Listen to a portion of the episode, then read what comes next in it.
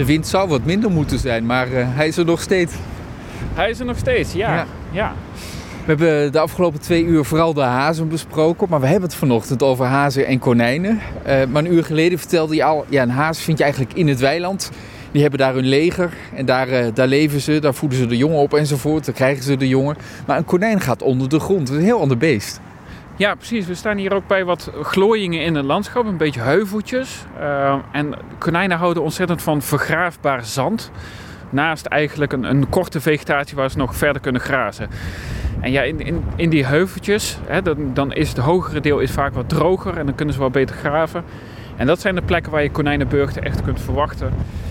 Maar ja, als het slecht gaat met de konijnen en je hebt dus zo'n enorme stikstofuitstoot op de natuur en alles groeit dicht, ja, dan ben je dus ook die plekken kwijt waar de konijnen uh, zich kunnen gaan vestigen. Dus ook dan, zelfs als die virusziektes hè, overwonnen zijn door de konijnen, hebben ze geen plek meer om te wonen.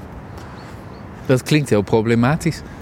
Ja, dat is best wel een probleem. In de duinen bijvoorbeeld gaat het echt ontzettend slecht met konijnen. En heel veel duinbeheerders, die de konijn echt zien als de natuurlijke grasmachine voor de duinen. Uh, de grasmaaier, uh, ja, die maken zich echt ontzettend zorgen. Het is nu ontzettend duur om die duinen enigszins open te houden voor andere diersoorten en vogelsoorten. Uh, ja, die duinen lijden er echt onder. Die hele ecosysteem verandert door de afwezigheid van die konijnen. En Want hoe groot is zo'n konijnenburg, zo'n hol waar je dan in zou kunnen kruipen of waar het konijn in gaat? Hoe ziet die wereld daaronder, onder die grond eruit? Ja, je hebt natuurlijk een aantal hoofdgangen die je aan de bovenkant ziet. Het zijn vrij kleine holtes, wat, wat hoger dan dat ze breed zijn. Dat heeft ook met de manier van de graven van het konijn te maken. Ze zijn ook niet zo groot. Maar ja, daaronder zit natuurlijk een heel groot gangenstelsel, verschillende kamers waarin de jongen grootgebracht worden. En ja, dat, dat is een heel bouwwerk. Maar goed, als dat in elkaar stort en de konijn is weg en het overgroeit, dan, dan is het echt weg. Ja. En qua voortplanting, gaat dat het hele jaar door? Gaat het echt zoals de konijnen dat doen? Ja, fok als voor niks konijnen. een uitdrukking, hè? Ja, ja fok als konijnen, nou dat doen ze prima. Uh, maar de omstandigheden moeten natuurlijk wel goed zijn. Hè? Je, je hebt wel uh, hè, konijnen in goede gezondheid nodig. Dat ten eerste. Dus geen virus, maar ook gewoon goed voedsel in de buurt. En uh, ja, het moet niet vol in de winter zijn. Dan wordt het wel erg moeilijk. Maar het voortplantingsseizoen van konijnen is inderdaad behoorlijk lang. Konijnen en hazen hebben het dus alle twee moeilijk. Is voor alle twee nog een tijd te keren? Ja, het heeft wel echt uh, wederom een beetje te maken met hoe gaan we nu dat grotere stikstofdossier eigenlijk oplossen. Dat toch weer die politiek. Ja, toch weer die politiek. En als je aan konijn en haas denkt, denk je niet gelijk aan stikstof. Maar daar zit eigenlijk stiekem wel de oplossing.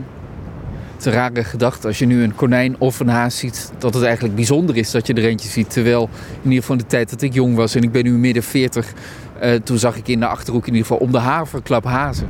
Ja, ik ben heel erg benieuwd of meer mensen die ervaring delen. Ik ben zelf begin 30. Ik, ik vind zelf ook al dat ik minder zie dan dat ik vroeger zie. Ondanks dat ik nu er beter geschoold in ben en weet waar ik op moet letten. Ja, precies. Jij weet de plekjes beter te vinden. Jij weet ze wel uit te vissen. Die, die plukjes wat, wat ik af en toe als zand of wat dan ook. Dan zie jij wellicht, hé, hey, dat is toch een haas. Ja, maar we maken ons wel echt zorgen. En ik, ik hoor wel van meer mensen inderdaad van... Ja, vroeger struikelde ik over de haas. En nu, als ik er een tegenkom, is het weer inderdaad een bijzondere ervaring. Ja, we zouden anders moeten willen met z'n allen. Hoe kan ik nou het verschil zien tussen een haas en een konijn? Ja, konijn, hè? Dat, dat, wie heeft geen konijn gehad vroeger? Is toch wel meer. Nou, ik niet. Laten we het er niet over hebben.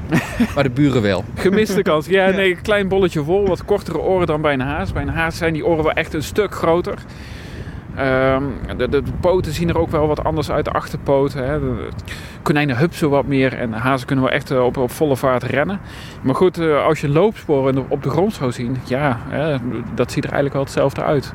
Dus in de, in de lengte van het spoor zie je dan eerst twee pootjes achter elkaar staan. Dat zijn uh, de voorpoten, die, die worden dus niet naast elkaar gezet, maar achter elkaar. En dan de twee achterpoten die er overheen hupsen. En dan krijg je dus eigenlijk in de lengte van het spoor zie je een soort van T van vier poten. En of dat nou een konijn of haas is, ja, dat, dat, de afstand en de grootte maakt. En het leefgebied natuurlijk ook of het een konijn of haas is.